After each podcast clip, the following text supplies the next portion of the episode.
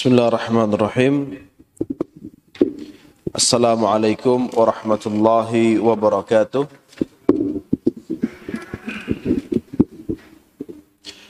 إن الحمد لله نحمده ونستعينه ونستغفره ونتوب إليه ونعوذ بالله من شرور أنفسنا وسيئات أعمالنا من يهد الله فلا مضل له ومن يضلل فلا هادي له أشهد أن لا إله إلا الله وحده لا شريك له وأشهد أن محمدا عبده ورسوله وخليله وصفيه صلوات ربنا وسلامه عليه وعلى آله وأصحابه ومن سار على نهجه إلى يوم لقائه أما بعد Alhamdulillah Rabbil Alamin kita bersyukur kepada Allah Subhanahu wa taala semoga kita juga terus menjadi hamba yang pintar untuk bersyukur Jamaah sekalian barakallahu fikum kita sampai di pembahasan tentang tata cara salat Ya, ini sudah kajian tentang tata cara sholat yang keberapa? Satu, pertama bahas rukun. Yang kedua bahas sunnah. Yang ketiga, baca hadis. Kemudian ini yang keempat. Kajian keempat tentang tata cara sholat. Hadis yang ke-15 yaitu hadis yang diriwayatkan oleh Abu Qatadah radhiyallahu anhu qal kana Rasulullah sallallahu alaihi wasallam يصلي بنا فيقرأ في الظهر والعصر في الركعتين الأوليين بفاتحة الكتاب وسورتين ويسمعنا الآية أحيانا ويطول الركعة الأولى ويقرأ في الأخريين بفاتحة الكتاب متفق عليه Arti hadis ini yang diriwayatkan oleh sahabat yang mulia Abu Qatadah. Beliau berkata bahwa dulu Nabi Shallallahu Alaihi Wasallam ketika beliau sholat bersama kami, kata Abu Qatadah, Abu Qatadah ini memperhatikan sholatnya Nabi Muhammad sallallahu alaihi wasallam. Kata Abu Qatadah, Nabi kalau sholat duhur dan asar, beliau membaca di rokaat pertama dan kedua dengan bacaan Al-Fatihah kemudian surat. Dan terkadang Nabi Shallallahu Alaihi Wasallam memperdengarkan kepada kami beberapa ayat dari surat itu. Kata Abu Qatadah wa yutawwilu ar-rak'atal ula. Nabi memanjangkan rakaat yang pertama. Dan Nabi Shallallahu alaihi wasallam hanya membaca Al-Fatihah di dua rakaat terakhir. Hadisnya muttafaqun alaih diriwayatkan oleh Imam Bukhari dan Imam Muslim. Dari hadis ini, penjelasan dari Syekh Abdul Qadir Syaibatul Hamad, kata Abu Qatadah, wa yusmi'una al-ayata ahyanan. Itu menunjukkan bahwa Nabi Shallallahu Alaihi Wasallam sempat keluar suaranya ketika sholat zuhur. Sholat zuhur, sholatnya bagaimana? Jahriyah atau sirriyah?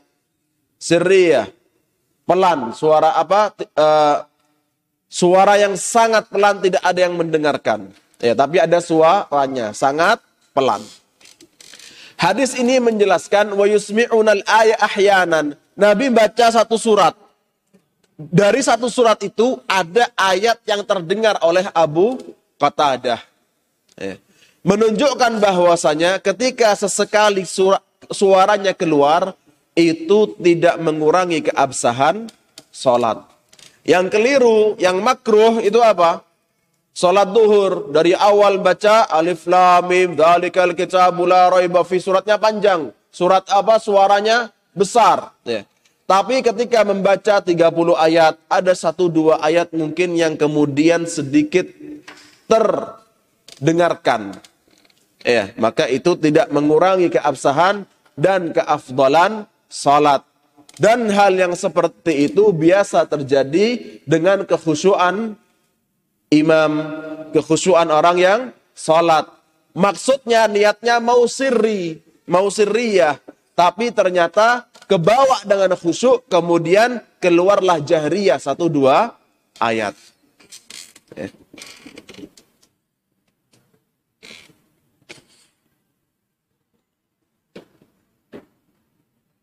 Kemudian Hadis ini juga menunjukkan bahwa posisi Abu Qatadah itu berada dekat dengan Nabi Muhammad sallallahu alaihi wasallam ya. Bukan berarti ketika sedikit mengeraskan apa mengeraskan suara kemudian yang soft 2 3 4 5 dengar. Ini berarti bukan sedikit keras tapi sangat keras ya. Yang diperbolehkan dari hadis ini apa? Terkadang sedikit keras. Bukan terkadang sangat keras. Ya. Kemudian jemaah sekalian, ada hadis yang diriwayatkan oleh Imam Bukhari dari Abi Ma'mar. Abu Ma'mar berkata kepada Khabbab ibn al-Arat, "Akan Nabi sallallahu alaihi wasallam yaqra'u fi dhuhri wal asri?" Qala na'am. Qala bi ayyi syai'in kuntum ta'lamuna qira'atahu? Qala bi ittirabi lihyatihi. Abu Ma'mar bertanya kepada Khabbab ibn al-Arat, Apakah kalian dahulu melihat Nabi Shallallahu Alaihi Wasallam membaca sesuatu ketika zuhur dan asar? Yang ditanyakan sama Abu Ma'mar ini solat yang sirriyah. Abu Ma'mar tanya, kalian tahu nggak Nabi itu membaca apa nggak ketika zuhur? Kata Khabbab ibn al-Arat, iya aku tahu. Iya aku aku tahu kalau Nabi Shallallahu Alaihi Wasallam membaca ketika zuhur dan asar, bukan cuma diem tok. Abu Ma'mar bertanya, dari mana kamu tahu? Kan nggak ada suaranya. Kata Khabbab ibn al-Arat, dari, dari gerakan jenggot Nabi Shallallahu Alaihi Wasallam. Berarti sedang bergerak bibir beliau Shallallahu Alaihi Wasallam. Ya. Maka hadis ini juga menguatkan hadisnya Abu Qatadah tadi bahwa keadaan Abu Qatadah itu tidak jauh dari Nabi Shallallahu Alaihi Wasallam. Beliau dekat bisa mengetahui. Jamaah sekalian, barakallahu fikum. Abu Qatadah memahami bahwa Nabi Shallallahu Alaihi Wasallam membaca satu surat di rokaat pertama dan satu surat di rokaat kedua dari hadis-hadis yang lain dari riwayat-riwayat yang lain. Tapi yang didengar oleh Abu Qatadah adalah satu atau dua ayat dari dari surat itu. Ya. Kata Syekh Abdul Qadir Syaibatul Hamad, beliau menjelaskan di rakaat pertama yaitu Abu Qatadah radhiyallahu anhu mendengarkan surat Luqman, ayat dari surat Luqman. Surat Luqman ada berapa ayat? 34. Kemudian di rakaat kedua Az-Zariyat 60 ayat. Maka Abu Qatadah mengira bahwa Nabi Shallallahu Alaihi Wasallam membaca dari ayat ini seluruh surat. Ya. Jamaah sekalian, kita bisa mengambil beberapa faedah dari hadis ini. Yang pertama, bahwa hadis ini merupakan nas. Nas itu maksudnya dalil yang kuat menunjukkan bahwa Al-Fatihah itu dibaca di seluruh rokaat. Satu, dua, tiga, empat semuanya dibaca. Yang kedua, hadis ini juga menunjukkan syariat bahwa diperintahkan, disyariatkan untuk membaca surat di dua rakaat pertama setelah membaca Al-Fatihah. Yang ketiga, bahwa ketika imam mengeluarkan sedikit suaranya, sesekali itu tidak mengurangi keabsahan sholat. Faedah yang keempat, disunnahkan untuk memperpanjang rokaat pertama, kemudian kedua. Barakallahu fikum. Kemudian hadis yang ke-16 dari Abu Sa'id Al-Khudri radhiyallahu anhu qala Kunna nahrizu qiyama Rasulillah sallallahu alaihi wasallam fi dhuhri wal asri فحرزنا قيامه في الركعتين الأوليين من الظهر قدر ألف لام ميم تنزيل السجدة. وفي الأخريين قدر النصف من ذلك. وفي الأوليين من العصر على قدر الأخريين من الظهر والأخريين على النصف من ذلك رواه مسلم. Hadis yang disebutkan oleh Abu Sa'id Al-Khudri radhiyallahu anhu Beliau berkata, kami meneliti, kami memperhatikan solatnya Nabi Muhammad sallallahu alaihi wasallam. Dan kami dapati kata Abu Sa'id Al-Khudri bahwa Nabi sallallahu alaihi wasallam di rakaat pertama ketika salat duhur membaca Alif Lam Mim Tanzil yaitu surat As-Sajdah. Kemudian wa fil ukhrayaini qadra an-nisfi min dalik. Dan di dua rakaat terakhir dari salat duhur beliau membaca setengah dari itu.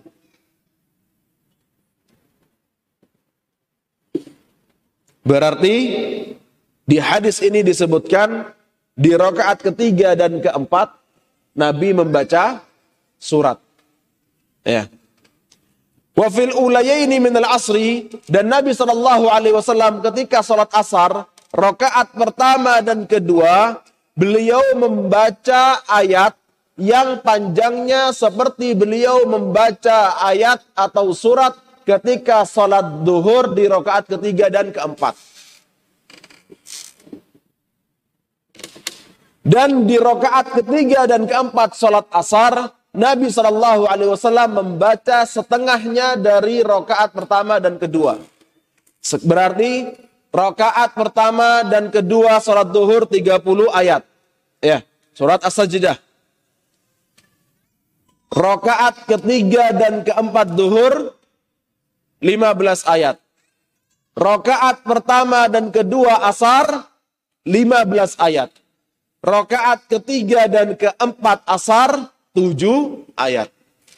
Ini yang dimaksud dari hadis Abu Sa'id Al-Khudri. Jamaah sekalian barakallahu fikum. Di hadis ini disebutkan bahwa Nabi Shallallahu Alaihi Wasallam membaca di dua rakaat pertama Alif Lam Mim yaitu surat As-Sajdah. Kata Syekh Abdul Qadir Syaibatul Hamad, sebagaimana dipahami dari hadis-hadis yang lain, ada Abu Hurairah berkata Nabi Shallallahu Alaihi Wasallam membaca ketika zuhur 30 ayat di rakaat pertama. Surat As-Sajdah 30 ayat. Dari hadis Abu Sa'id Al-Khudri secara tekstual dipahami berarti rokaat pertama dan kedua membaca as-sajdah bisa jadi dipotong. Berarti 15 15. Ya. Tapi dengan dipahami dengan hadis-hadis yang lain, ada hadis lain menyebutkan Nabi sholat duhur rokaat pertama membaca 30 ayat. Berarti maksud dari hadisnya Abu Sa'id Al-Khudri Nabi membaca surat As-Sajdah ini lengkap apa separuh? Lengkap. Ya. Nabi Shallallahu Alaihi Wasallam di rokaat pertama membaca surat As-Sajdah lengkap. Dan di rokaat kedua Nabi Shallallahu Alaihi Wasallam membaca yang semisal dengan As-Sajdah panjangnya.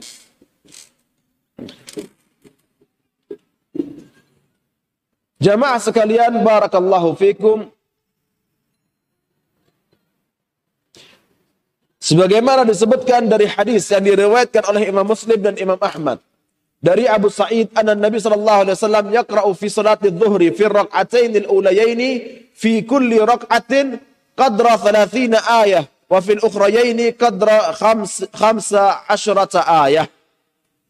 Ada hadis juga yang diriwayatkan oleh Imam Muslim dan Imam Ahmad dari Abu Sa'id Al-Khudri Hadis lain yang juga diriwayatkan oleh Abu Sa'id Al-Khudri bahwa Nabi Shallallahu alaihi wasallam ketika salat duhur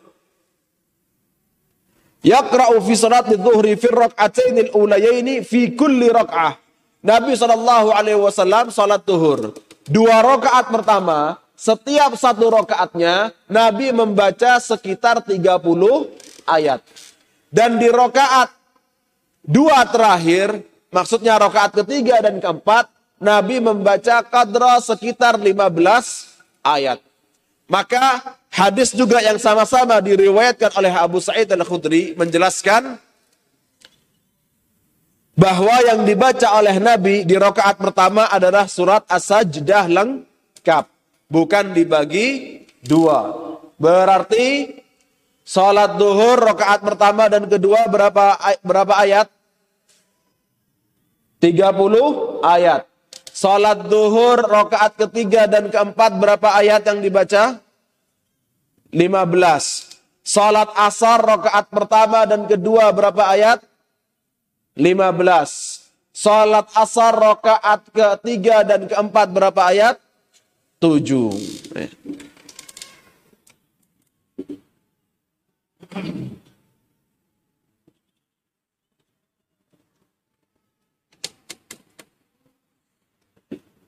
Dari hadis yang pertama kita baca, yaitu hadis yang diriwayatkan oleh Imam Bukhari dan Imam Muslim.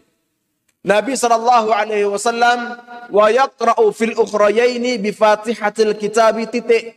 Nabi sallallahu alaihi wasallam di rakaat kedua terakhir, maksudnya rakaat 3 dan 4 hanya membaca Al-Fatihah titik. Hadis pertama yang kita baca. Di hadis ini, hadis Abu Sa'id Al-Khudri disebutkan Nabi membaca di rokaat ketiga dan keempat sholat duhur. Rokaat dan eh, rokaat ketiga dan empat di sholat asar. Seakan-akan bertentangan. Baca ndak ini rokaat ketiga dan keempat. Hadis pertama Al-Fatihah titik. Hadis kedua ini Al-Fatihah baca ayat, baca surat. Maka rokaat ketiga dan keempat itu membaca surat atau tidak? Disebutkan oleh para ulama, sunnahnya adalah tidak membaca surat. Karena itulah hadis-hadis yang lebih banyak diriwayatkan dari Nabi Muhammad SAW. Beliau tidak baca surat di rokaat ketiga dan keempat. Adapun hadis yang sahih juga diriwayatkan oleh Imam Muslim dari Abu Sa'id Al-Khudri menunjukkan bahwa baca surat, baca ayat di rokaat ketiga dan keempat itu hukumnya boleh. Sesekali dilaksanakan silahkan. Tapi kalau sering-sering itu tidak disunnahkan. Wallahu a'lam bissawab. Sebagaimana juga ada hadis yang diriwayatkan dari Abu Bakar As-Siddiq radhiyallahu anhu Beliau kalau sholat maghrib di rokaat ketiga membaca Rabbana la tuzigh qulubana ba'da id hadaitana. Ya. Beliau membaca ayat di rokaat ketiga. Ini pemahamannya Abu Bakar dari sunnah Rasulullah Sallallahu Alaihi Wasallam. Dan Abu Bakar itu sahabat yang paling alim karena setiap hari bersama Rasulullah Sallallahu Alaihi Wasallam. Pemahaman Abu Bakar menunjukkan boleh baca surat, boleh baca ayat di rokaat ketiga dan keempat. Meskipun itu salat maghrib rokaat ketiga. Ya. Dari hadis ini kita bisa pahami satu, yaitu disunnahkannya untuk memperpanjang bacaan di sholat duhur. Dan juga sholat asar tetapi tidak sepanjang duhur. Kemudian yang kedua, kita pahami bahwasanya boleh hukumnya mubah, jaiz, jawaz. Boleh hukumnya membaca ayat atau surat di rokaat ketiga dan keempat. Wallahu a'lam bissawab.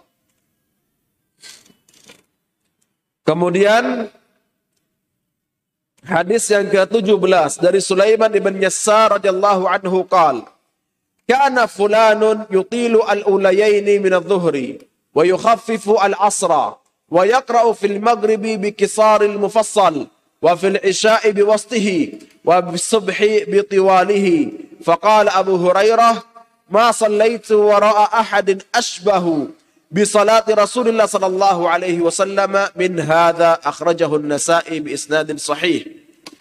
Ini hadis sahih yang diriwayatkan oleh Imam Nasa'i. Dari sahabat uh, bukan dari sahabat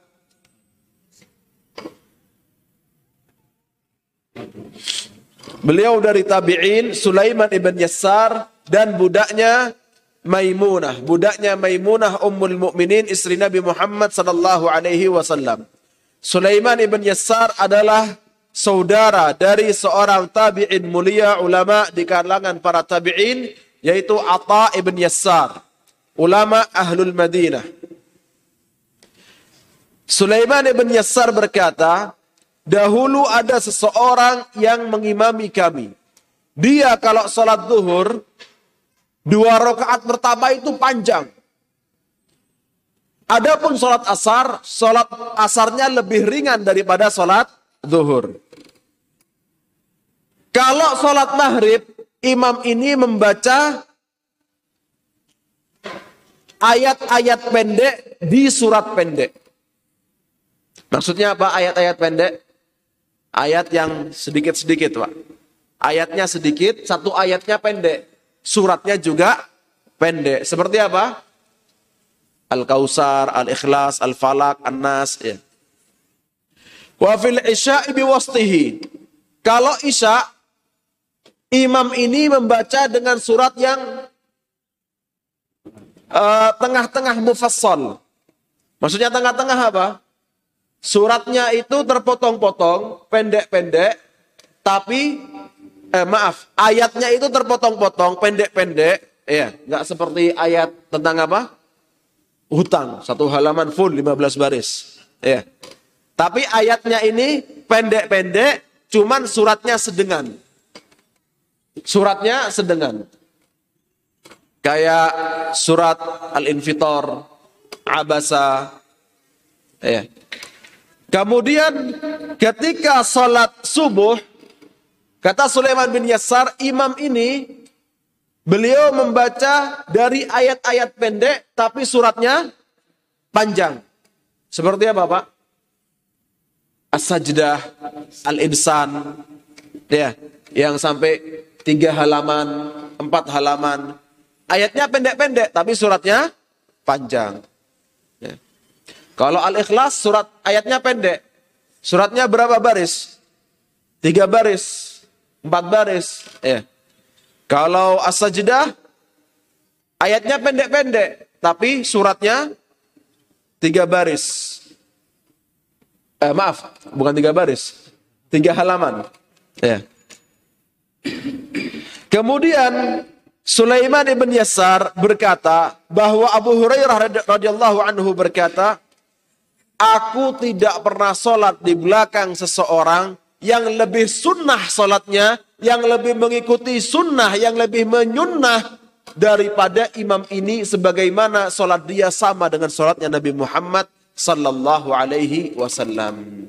Dari hadis ini, jumhurul ulama berkata, jumhurul ulama berkata, disunnahkan, kata Imam Syafi'i, kata Imam Ahmad, kata Imam Abu Hanifah, kalau tidak salah juga pendapat Imam Malik, mereka berpendapat seperti hadis ini. Yaitu, sholat maghrib menggunakan apa?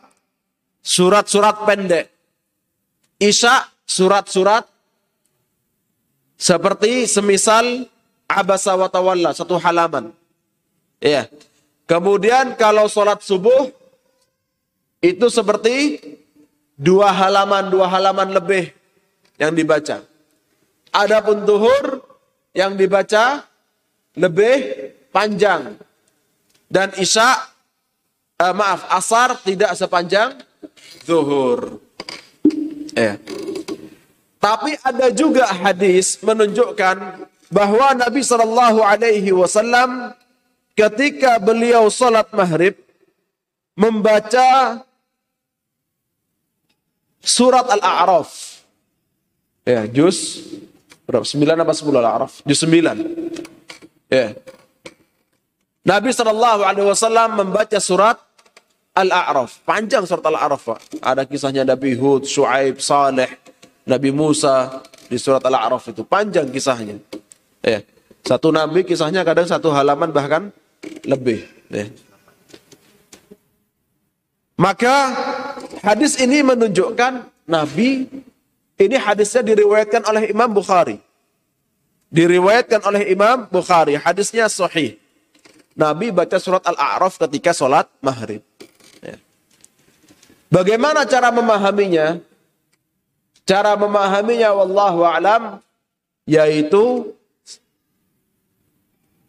nggak mutlak harus maghrib itu surat pendek.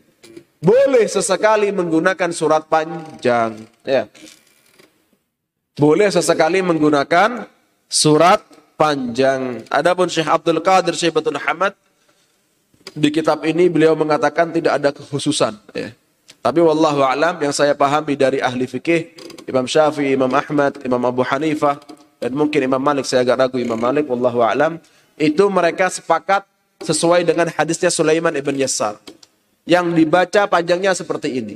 Adapun hadis-hadis lain yang diriwayatkan Imam Bukhari, Imam Muslim dan imam-imam yang lainnya menunjukkan bahwa boleh tidak seperti hadisnya Sulaiman bin Yasar. Ya.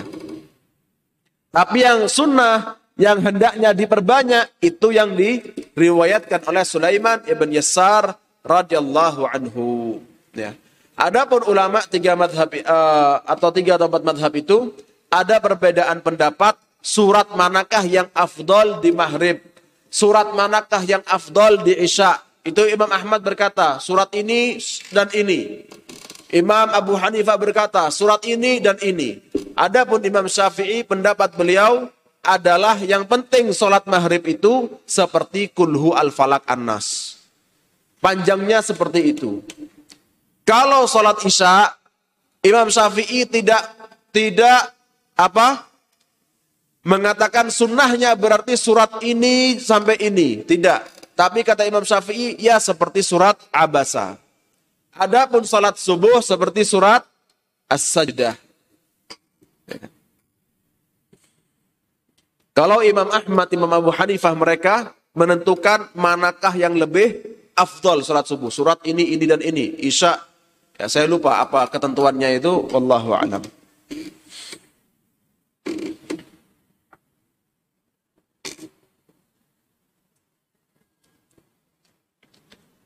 Ada juga hadis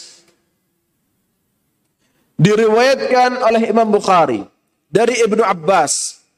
Ummu Fadl mendengarkan Abdullah ibn Abbas membaca di salat maghrib wal mursalati urfa juz 29 terakhir. Kemudian Ummu Fadl berkata, "Ya bunayya wallahi laqad dzakkartani bi qira'atika hadhihi as-surah. Innaha la akhiru ma sami'tu min Rasulillah sallallahu alaihi wasallam yaqra'u biha fil maghrib."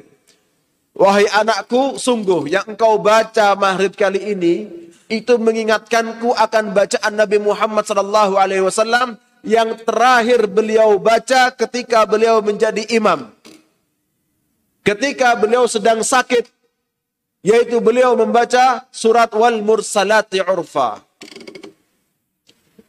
Dari hadis ini kalau Nabi Shallallahu Alaihi Wasallam sholat maghrib terakhir beliau menjadi imam baca surat wal mursalati urfa dalam keadaan sakit berarti kalau keadaan sehat bisa lebih panjang dari surat al mursalat. Tapi hadis ini menunjukkan apa? Boleh sholat maghrib untuk membaca surat-surat panjang. Ya.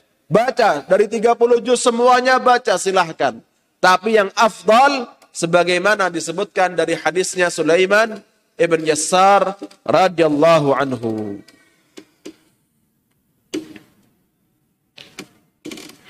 Kemudian hadis yang ke-18 dari Jubair bin Mut'im radhiyallahu anhu qal Sami'tu Rasulullah sallallahu alaihi wasallam yaqra'u fil maghribi bit-tur muttafaqun alaih. Hadis yang diriwayatkan oleh Imam Bukhari dan Imam Muslim dari Jubair bin Mut'im radhiyallahu anhu bahwa Nabi sallallahu alaihi wasallam membaca di salat maghrib dengan surat At-Tur, surat yang panjang. Ya membaca surat yang panjang. Maka hadis ini menunjukkan boleh membaca surat panjang ketika maghrib.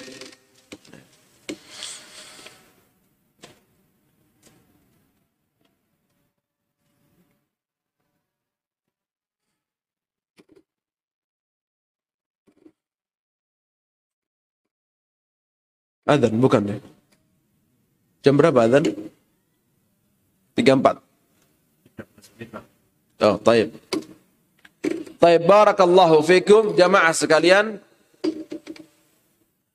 Hadis yang ke-19 Diriwayatkan oleh Abu Hurairah radhiyallahu anhu qal kana Rasulullah sallallahu alaihi wasallam yaqra'u fi salatil fajri yaumal jum'ati alif lam mim tanzil as-sajdah wa hal ata 'ala al-insani muttafaqun alaih walid tabrani min hadith ibn Mas'ud radhiyallahu anhu yudimu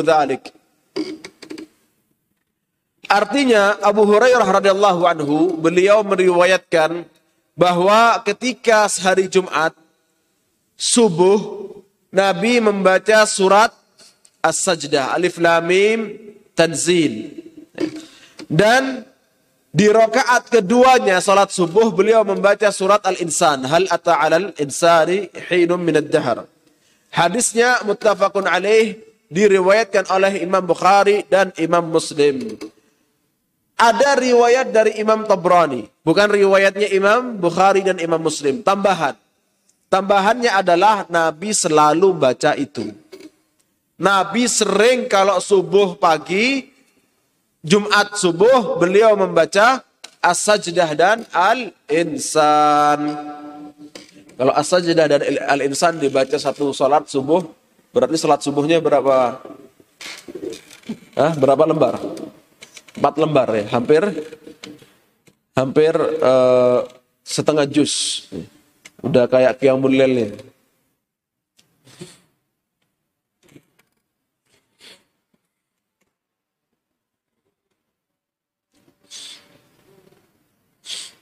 kiamul ya. Insyaallah.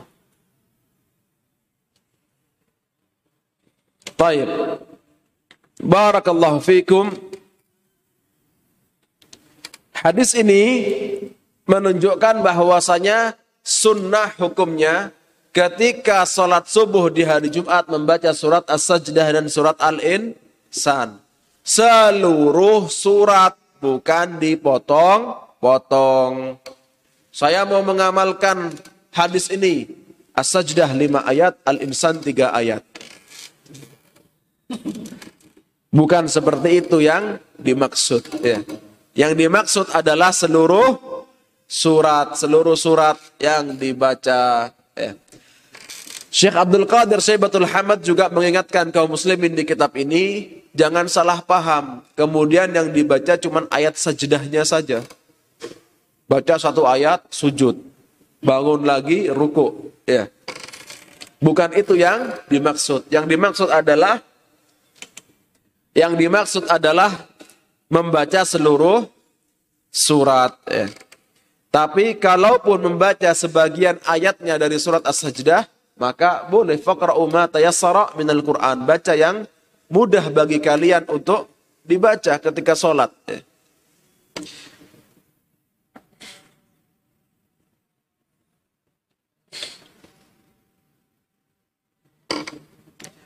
Jamaah sekalian barakallahu fikum dalam surat As-Sajdah, dalam surat Al-Insan ini mengingatkan kita. Ya. Di surat As-Sajdah Al-Insan mengabarkan kepada kita akan hal yang dulu pernah terjadi dan nanti akan terjadi. Di surat As-Sajdah dan Al-Insan disebutkan tentang penciptaan Nabi Adam alaihi salam. Disebutkan tentang hari kiamat. Disebutkan ketika padang mahsyar manusia dikumpulkan bagaimana keadaan manusia ketika dikumpulkan. Dan itu semua terjadi di hari Jumat. Itu semua terjadi di hari Jumat ya. Oleh karenanya kata para ulama ada istilahnya fikhul munasabah. Fikhul munasabah. Saya ingat ada guru saya namanya Syekh Yunus Salamah mengingatkan di kelas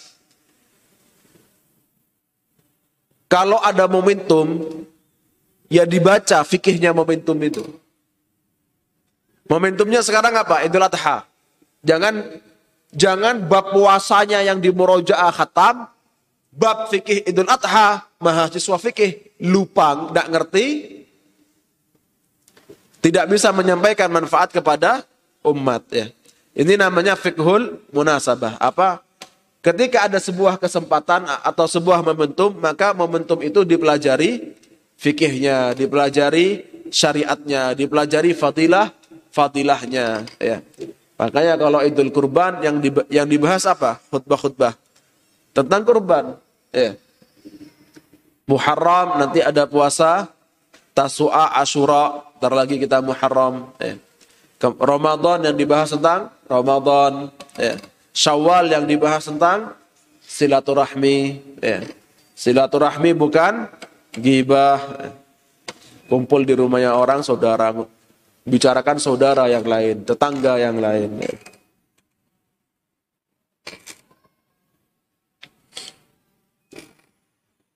Barakallahu fikum. Kemudian hadis yang ke-20 dari Hudzaifah radhiyallahu anhu qal Sallaitu ma'an Nabi sallallahu alaihi wasallam fama marrat bihi ayatu rahmatin illa waqafa 'indaha yas'al wala ayata adabin illa ta'awwadha minha akhrajahu al-khamsa wa hasanahu Tirmidzi dari Hudzaifah ibn al-Yaman sahibu sirri Rasulullah sallallahu alaihi wasallam sahabat yang tahu rahasia-rahasia Nabi Muhammad sallallahu alaihi wasallam. Hudzaifah ibn Yaman yang tahu siapa orang-orang yang dicap sebagai kaum munafik di Madinah dari lisan Nabi Muhammad sallallahu alaihi wasallam. Oleh karenanya beliau disebut pemegang rahasia Nabi Muhammad sallallahu alaihi wasallam. Kata Hudzaifah ibn Yaman, aku salat bersama Nabi Muhammad sallallahu alaihi wasallam. Dan ketika Nabi membaca sebuah ayat tentang rahmat, kasih sayang Allah, Nabi minta rahmat Allah. Dan ketika Nabi membaca ayat tentang azab Allah, maka Nabi berlindung kepada Allah dari azab Allah Subhanahu wa taala. Hadis ini diriwayatkan oleh banyak ahli hadis dan dihasankan oleh Imam At-Tirmidzi. Hadisnya Hudzaifah Ibn Yaman radhiyallahu anhu ini dari riwayatnya Imam Ahmad, Imam Muslim dan Imam Nasai disebutkan kata Hudzaifah, aku salat bersama Nabi Muhammad sallallahu alaihi wasallam ketika suatu malam. Kemudian Nabi sallallahu alaihi wasallam membaca surat Al-Baqarah. Kata Hudzaifah ibn Yaman, Nabi bakal rukuk di ayat yang ke-100. Sudah ayat ke-100, Nabi lanjut. Hudzaifah ibn Yaman berkata dalam hatinya, Nabi Shallallahu Alaihi Wasallam akan baca Al-Baqarah satu rakaat penuh. Satu surat Al-Baqarah selesai, dikira mau ruku. Ternyata Nabi Shallallahu Alaihi Wasallam membaca surat An-Nisa, bukan Al-Imran, tapi An-Nisa dulu. Loh, kok An-Nisa dulu bukan Al-Imran dulu? Harusnya kan Al-Imran dulu. Maka kita pahami bahwa peletakan surat di Al-Quran itu bukan dari Nabi Muhammad SAW, tapi dari sahabat. Itu diletakkan oleh Umar bin Khattab radhiyallahu anhu. Peletakan surat. Eh. Kalau ayatnya, ayat 1, 2, 3, 4, 10, itu urutannya dari Nabi Muhammad SAW. Tapi kalau urutan surat, Al-Fatihah, Al-Baqarah, Al-Imran, An-Nisa, itu dari sahabat Umar bin Khattab radhiyallahu anhu. Ya. Kemudian Nabi Shallallahu Alaihi Wasallam dikira sama Hudzaifah ibn Yaman, Anisa selesai ruku. Anisa selesai ternyata lanjut Al Imran. Kemudian Nabi Shallallahu Alaihi Wasallam ketika membaca satu rokaat ini dengan Al-Baqarah, kemudian An-Nisa, kemudian Al-Imran, ketika ada ayat rahmat, Nabi selalu berhenti sebentar, kemudian meminta kepada Allah Subhanahu wa taala. Ya. Dan ketika Nabi Shallallahu alaihi wasallam mendapati ayat azab, beliau berhenti sebentar dari bacaannya, kemudian memutus bacaan ini dengan doa. Ya. Di hadis ini disebutkan ketika sholat sunnah. Ada hadis lain yang menyebutkan bukan ketika sholat sunnah umum. Eh.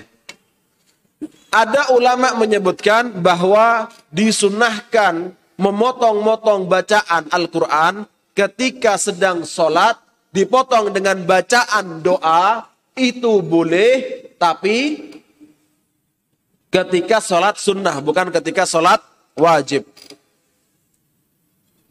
Saya dapati banyak ulama salaf juga berpendapat bahwa boleh meskipun bukan di sholat sunnah. Ketika sholat wajib. Ketika sholat wajib, imam kemudian memotong bacaannya. Diselingi dengan doa. Boleh. Ya. Ada tidak prakteknya di kita? Tidak ada. Oleh karenanya, saya hanya menyampaikan ilmunya, tapi saya tidak memerintahkan untuk antum mengamalkan. Nanti takutnya apa? Terkadang sebuah sunnah itu jelas. Pertama hadisnya jelas. Banyak yang meriwayatkan. Yang kedua, boleh memotong bacaan itu dan dipotong dengan doa-doa juga pendapatnya Imam Syafi'i. Tapi nggak ada amalnya di Indonesia. Kita baca hadis ini untuk kita ketahui. Silahkan diamalkan masing-masing. Tapi jangan antum jadi imam di sini berbuat seperti itu bilang ilmunya dari saya. Eh. Karena dalam mengamalkan sebuah amalan, dalam menghidupkan sunnah, uh, saya pribadi bukan orang yang berkompeten untuk kemudian merubah suatu hal yang uh, belum ada. Dulu ada di zaman Nabi. Ya ini perlu sunnah yang dihidupkan. Tapi bukan saya orangnya. Kalau nanti ada MUI, ada organisasi Islam besar mengatakan begini loh, silahkan Alhamdulillah. Saya saya yakin seperti itu sunnahnya. Hadisnya jelas dan pendapatnya Imam Syafi'i, pendapatnya ulama-ulama yang lain. Eh. Sama, kenapa saya katakan seperti ini? Sebagaimana perbuatan Nabi Muhammad Sallallahu Alaihi Wasallam ketika beliau beliau ini nabi, ya beliau ini nabi yang punya syariat. Ketika Fathul Makkah di tahun ke-7 Hijriyah ke, di tahun ke bukan ke, di tahun ke-8 Hijriyah ketika Fathul Makkah beliau berkata kepada Aisyah radhiyallahu anha laula anna qaumaki hudatsau ahadin bil Islam la hadamtul Ka'bah wa ja'altu laha babain. Kalau bukan wahai Aisyah kaummu ini orang-orang sekarang ini orang-orang yang baru masuk Islam mereka tidak tahu sejarahnya Ka'bah.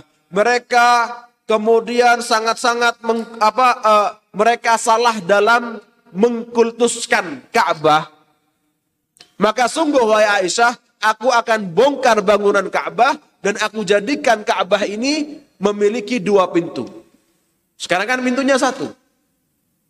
Yeah. Intinya Ka'bah itu yang dibangun oleh Nabi Ibrahim alaihissalam, bangunannya nggak kotak. Tapi ya Hijri Ismail itu harusnya dibangun. Pintunya nggak satu, pintunya harusnya dua. Eh. Nabi Shallallahu Alaihi Wasallam tidak mengembalikan bangunan Ka'bah yang sesungguhnya karena melihat kondisi masyarakat. Paham Pak ya? Jadi saya juga tidak memerintahkan melaksanakan sebuah amalan yang jelas sunnahnya karena kondisi masyarakat. Barakallahu fikum. Kita salat isya dulu. Wabillahi taufiq wal hidayah.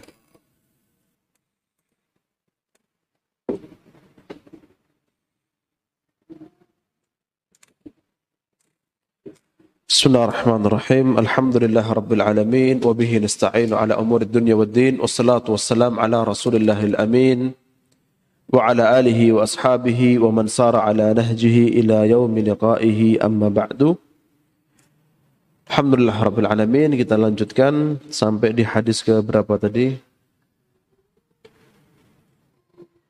20 Taib.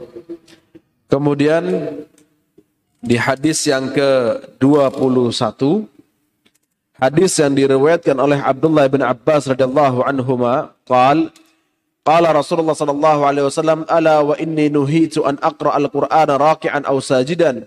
Fa amma ar-ruku'a fa'azzimu fihi rabb wa amma as-sujuda fajtahidu fi ad-du'a'i faqamin an yustajaba lakum rawahu Muslim. Kata Abdullah bin Abbas, Nabi sallallahu alaihi wasallam bersabda, Sesungguhnya aku dilarang untuk membaca Al-Quran dalam keadaan ruku' dan sujud. Kata Nabi sallallahu alaihi wasallam, "Fa ruku' kalau ruku' maka azimu fihi Rabb, muliakanlah Allah Subhanahu wa taala. Wa amma sujud, kalau sujud fajtahidu fid du'a faqa min an yustajaba lakum. Kalau sujud maka perbanyaklah untuk doa semoga diijabahi untuk kalian kata Nabi sallallahu alaihi wasallam. Hadisnya sahih diriwayatkan oleh Imam Muslim. Hadis ini menunjukkan bahwa baca Al-Quran tidak boleh ketika rukuk, tidak boleh ketika sujud. Kan bagus, iya bagus, tapi bukan pada tempatnya. Maka tidak semua hal itu bagus menurut kita. Kalau urusan dunia, bagus menurut kita nggak apa-apa. Tapi kalau urusan agama, bagus menurut siapa? Rasulullah sallallahu alaihi wasallam. Maka kata Nabi sallallahu alaihi wasallam kalau rukuk dan sujud aku dilarang membaca Quran ketika rukuk dan sujud. Jangan baca ketika rukuk alif lam mim dzalikal kitabu la raiba. Tapi ketika rukuk apa yang diperbanyak? Zikirnya subhana rabbiyal azim subhana rabbiyal azim. Ya. Kemudian ketika sujud kata Nabi, fajtahidu fid du'a. Bersungguh-sungguhlah dalam berdoa. Di sini disebutkan sujud secara umum, bukan cuman sujud terakhir. Tapi sujud pertama, sujud kedua, ketiga, empat, lima, enam, tujuh, delapan, kalau empat rakaat, maka perbanyaklah untuk memperbanyak sujud. Kalau kebetulan ingatnya mau doa di sujud terakhir, boleh tidak? Boleh.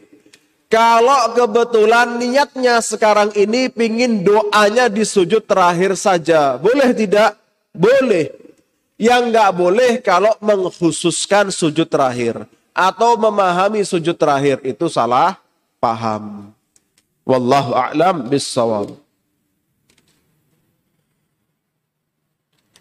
Lafaz hadis ini diriwayatkan oleh Imam Muslim dari Abdullah bin Abbas kata beliau kasyafa Rasulullah sallallahu alaihi wasallam as-sitara wan nasu sufufun khalfa Abi Bakr faqala ayyuhan nas innahu lam yabqa min mubasysyirat an-nubuwwati illa ar-ru'ya as-salihah yaraha al-muslimu aw tura lahu ala wa inni nuhitu an aqra al-qur'ana raki'an aw sajidan ada hadis lain dari Imam Muslim dengan nafat nahani Rasulullah sallallahu alaihi wasallam an aqra al-Qur'ana raki'an aw sajidan. Lafaz hadis Imam Muslim yang lengkap tadi, satu paket, satu hadisnya itu ada juga membahas tentang hal lain. Tapi ini kita bulughul maram, hanya hadis-hadis tentang fikih. Kalau hadis itu lengkapnya ada akidah, ada sejarah, ada apa, maka sama Imam Ibnu Hajar dipotong. Yang dibahas cuman hadis fikih. Ya. Adapun lengkapnya hadis ini disampaikan oleh syarih Syekh Abdul Qadir Syaibatul Hamad bahwa Nabi Shallallahu Alaihi Wasallam membuka selambu penghalang antara rumah beliau ke Masjid Nabawi ketika Nabi Shallallahu Alaihi Wasallam dalam keadaan sakit. Ketika itu kaum muslimin diimami salat oleh Sayyidina Abu Bakar Siddiq radhiyallahu anhu.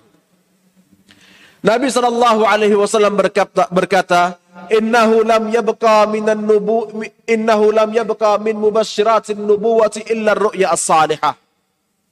Yarahul muslim, yarahal muslim aw lahu. Kata Nabi, tidak ada yang tersisa dari kabar-kabar kegembiraan, kebahagiaan dari kenabian, dari wahyu sudah tidak ada.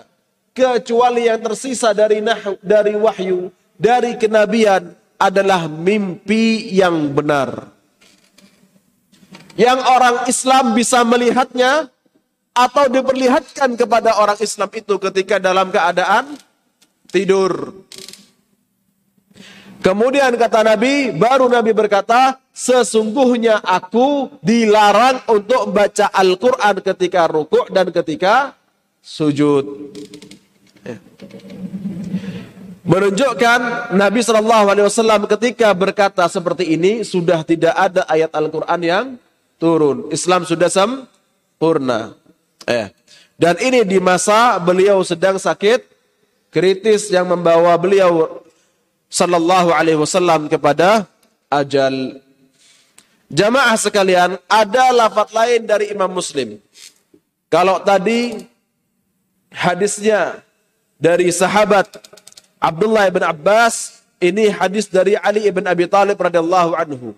Kalau tadi hadisnya berbunyi Aku dilarang, kata Nabi. Nabi mengatakan aku diriku dilarang. Kalau sekarang hadisnya Ali bin Abi Thalib, Ali bin Abi Thalib berkata, Nabi melarangku. Nabi melarangku ketika aku sujud dan rukuk membaca Al-Quran. Oleh karenanya jamaah ketika sujud perbanyaklah untuk berdoa. Ya. Doa dari Quran dan doa-doa dari sunnah Nabi Muhammad sallallahu alaihi wasallam. Bagaimana ketika rukuk baca doa-doa tidak disunnahkan. Yang disunnahkan baca subhana rabbiyal azim. Mau panjang, perbanyak subhana rabbiyal azim. Sujud mau panjang, perbanyak subhana rabbiyal a'la atau dengan berdoa. Kalau rukuk doa boleh tidak? Bukan tempatnya. Eh.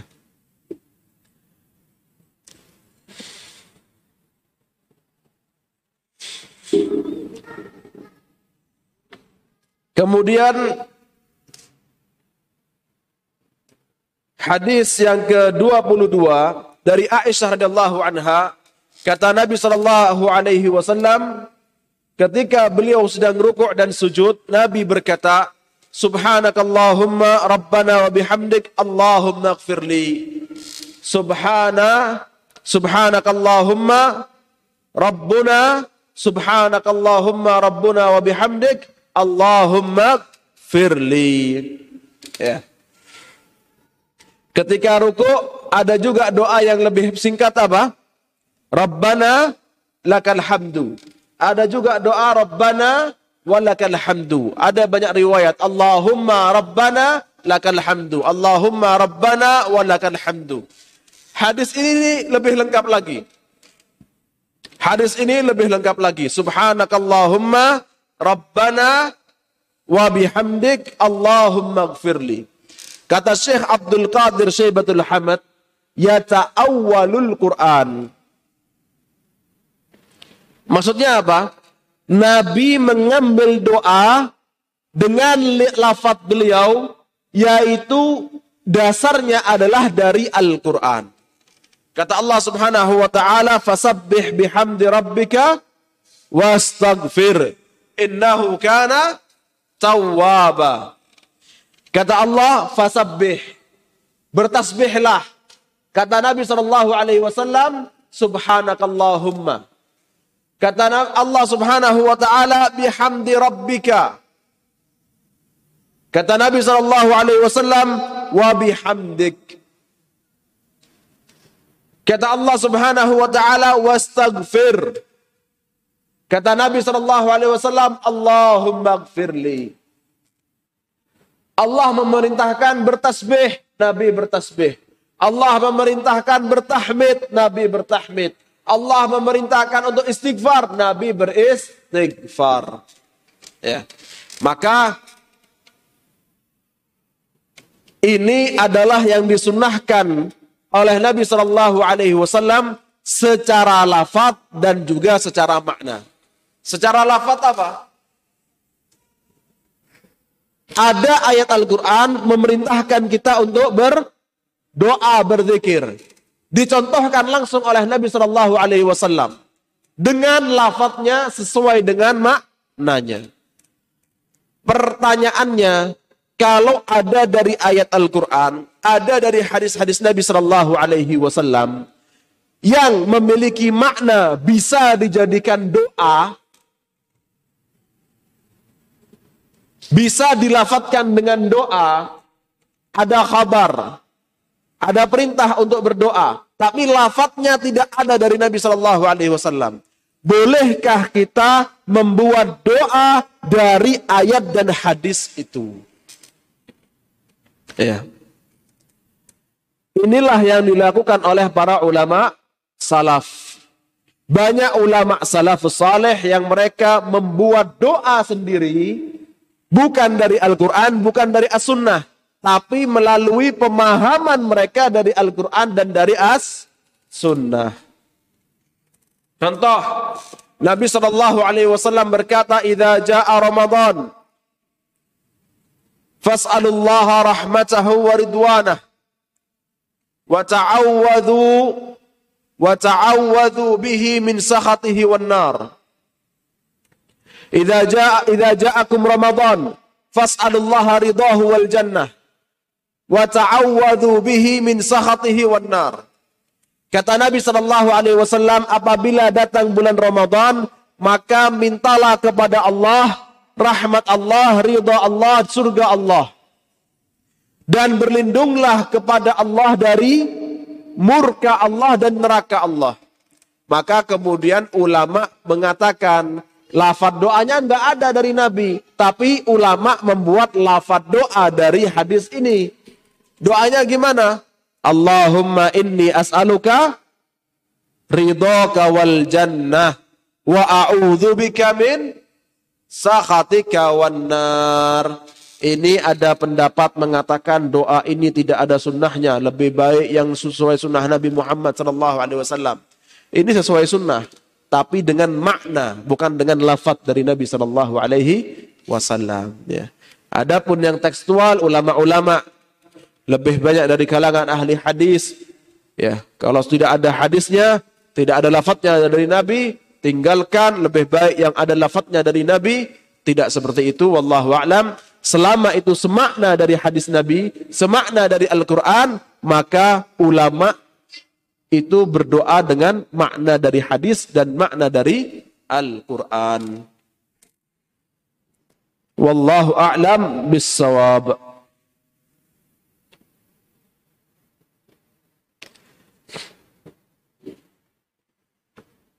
Dan juga di hadis ini, kata Syekh Abdul Qadir Syaibatul Hamad, kita bisa memahami bahwa ketika Allah Subhanahu wa taala memerintahkan fasabbih bihamdi rabbika wastaghfir Nabi sallallahu alaihi wasallam langsung patuh taat kepada Allah.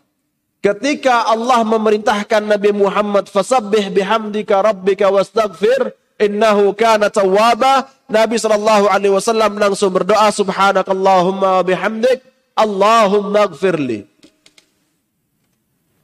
Ya. Maka itulah yang disunahkan oleh Nabi Muhammad yang hendaknya kita meniru sunnah Nabi Muhammad yaitu apa? Untuk tunduk, patuh dan langsung mengerjakan perintah Allah, perintah Rasulullah sallallahu alaihi wasallam. Barakallahu fikum. Itu yang bisa disampaikan. Kalau ada pertanyaan silahkan.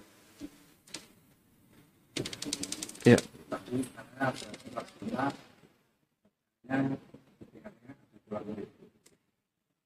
Nah, kalau membaca Yasin Babu ya, Yasin Babu.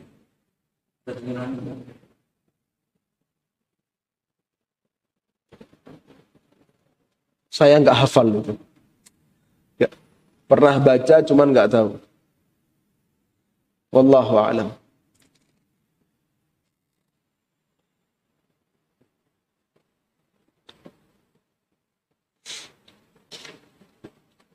Faqra'u ma tayassara minal Qur'an. Iqra'ul Qur'an fa innahu ya'ti yaumal qiyamah syafi'an li ashabih. Bacalah Al-Qur'an, dia datang di hari kiamat menjadi syafaat bagi pembacanya. Bacalah Al-Qur'an.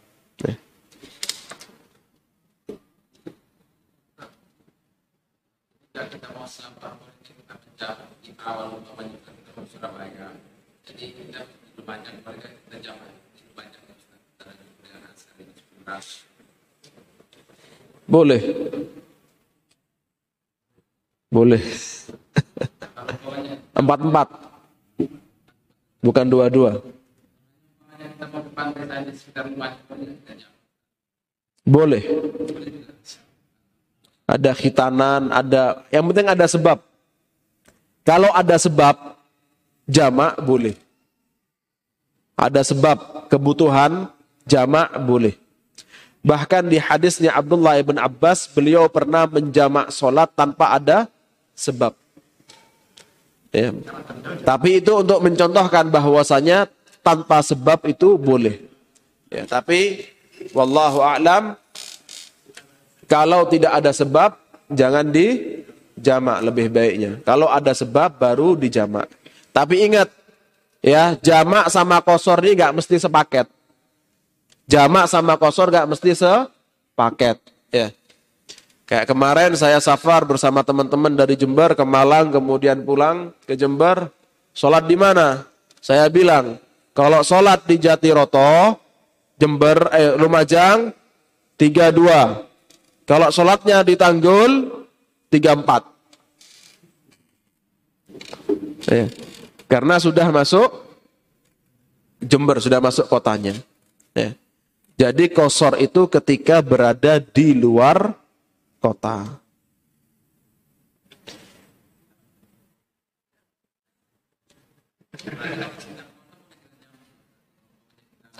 Loh, antum ada acara nikahan, antum nikahkan anak, antum nikah lagi, dijamak enggak apa-apa. Hah? Ya, antum butuh intinya antum butuh enggak? Ketika antum butuh, ya termasuk ketika hujan, ya. ketika hujan, ketika sangat panas, wah, terus dalam dalam keadaan butuh untuk menjamak, silahkan untuk menjamak sholat. Tapi jamaknya kalau di dalam kota empat, empat.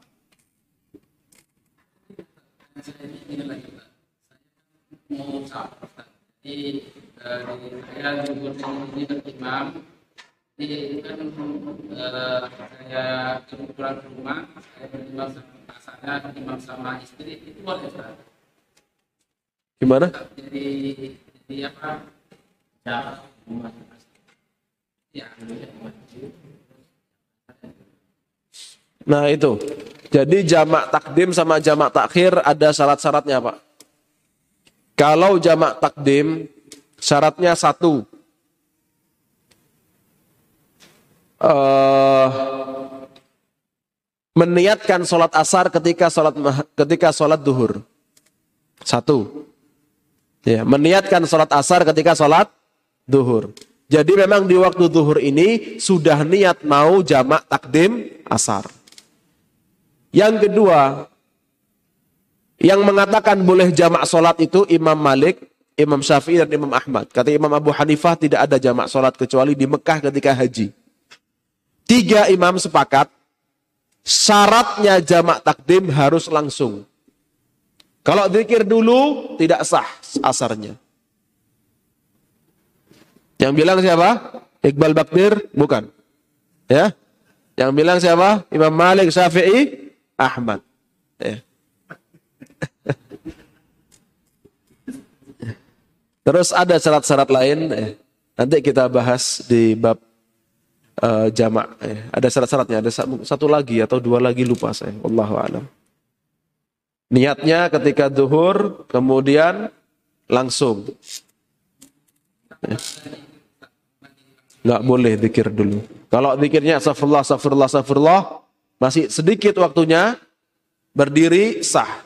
Tapi kalau sudah subhanallah 33, alhamdulillah 33, Allah Akbar 33, terus Allahu Akbar salat asar, tidak sah. Sholat lagi, wajib sholat lagi. Nggak sholat lagi, nggak sah, dosa.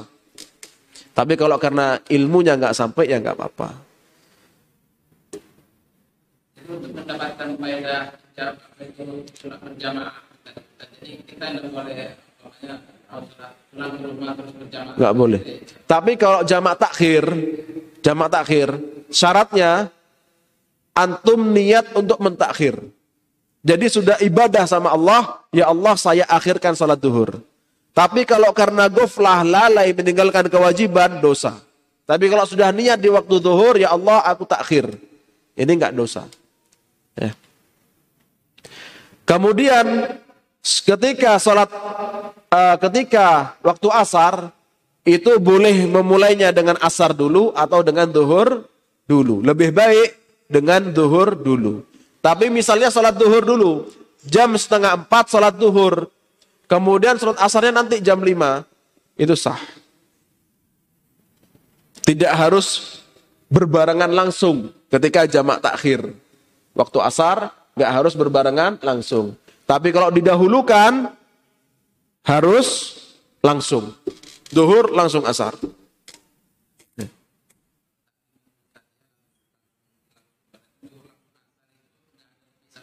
Nggak boleh dipisah. Iya, takhir. Wallahu a'lam.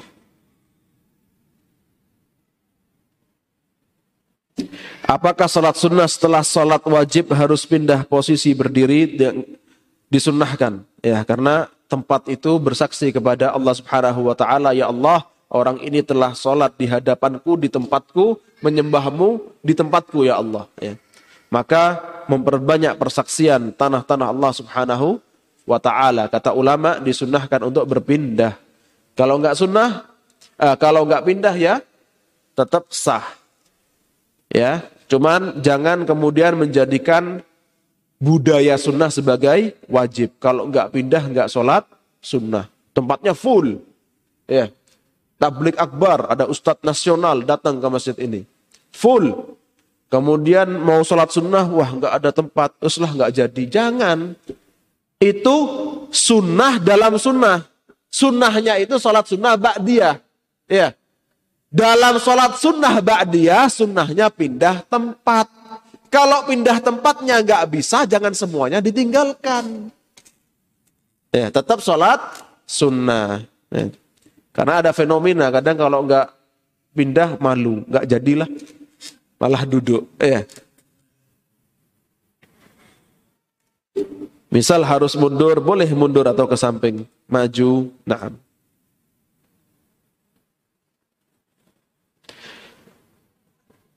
Apa benar ketika zikir sesudah sholat harus dikeraskan minimal terdengar kita sendiri? Nah, baiknya seperti itu.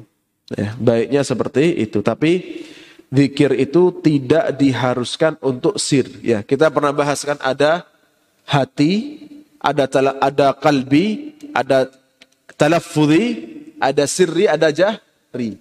Ya. Beribadah dengan hati, berzikir dalam hati itu juga sah betul, bagus. Kalbi itu apa? Di hati. Di hati. Kemudian lafzi, talaffudhi, menggerakkan bibir tanpa suara. Kemudian sirri, menggerakkan bibir dengan sedikit suara. Jahri, menggerakkan bibir dengan suara keras. Ya. Kalau sholat, kemarin ada pertanyaan, kalau sholat kemudian ada ludahnya. Ya.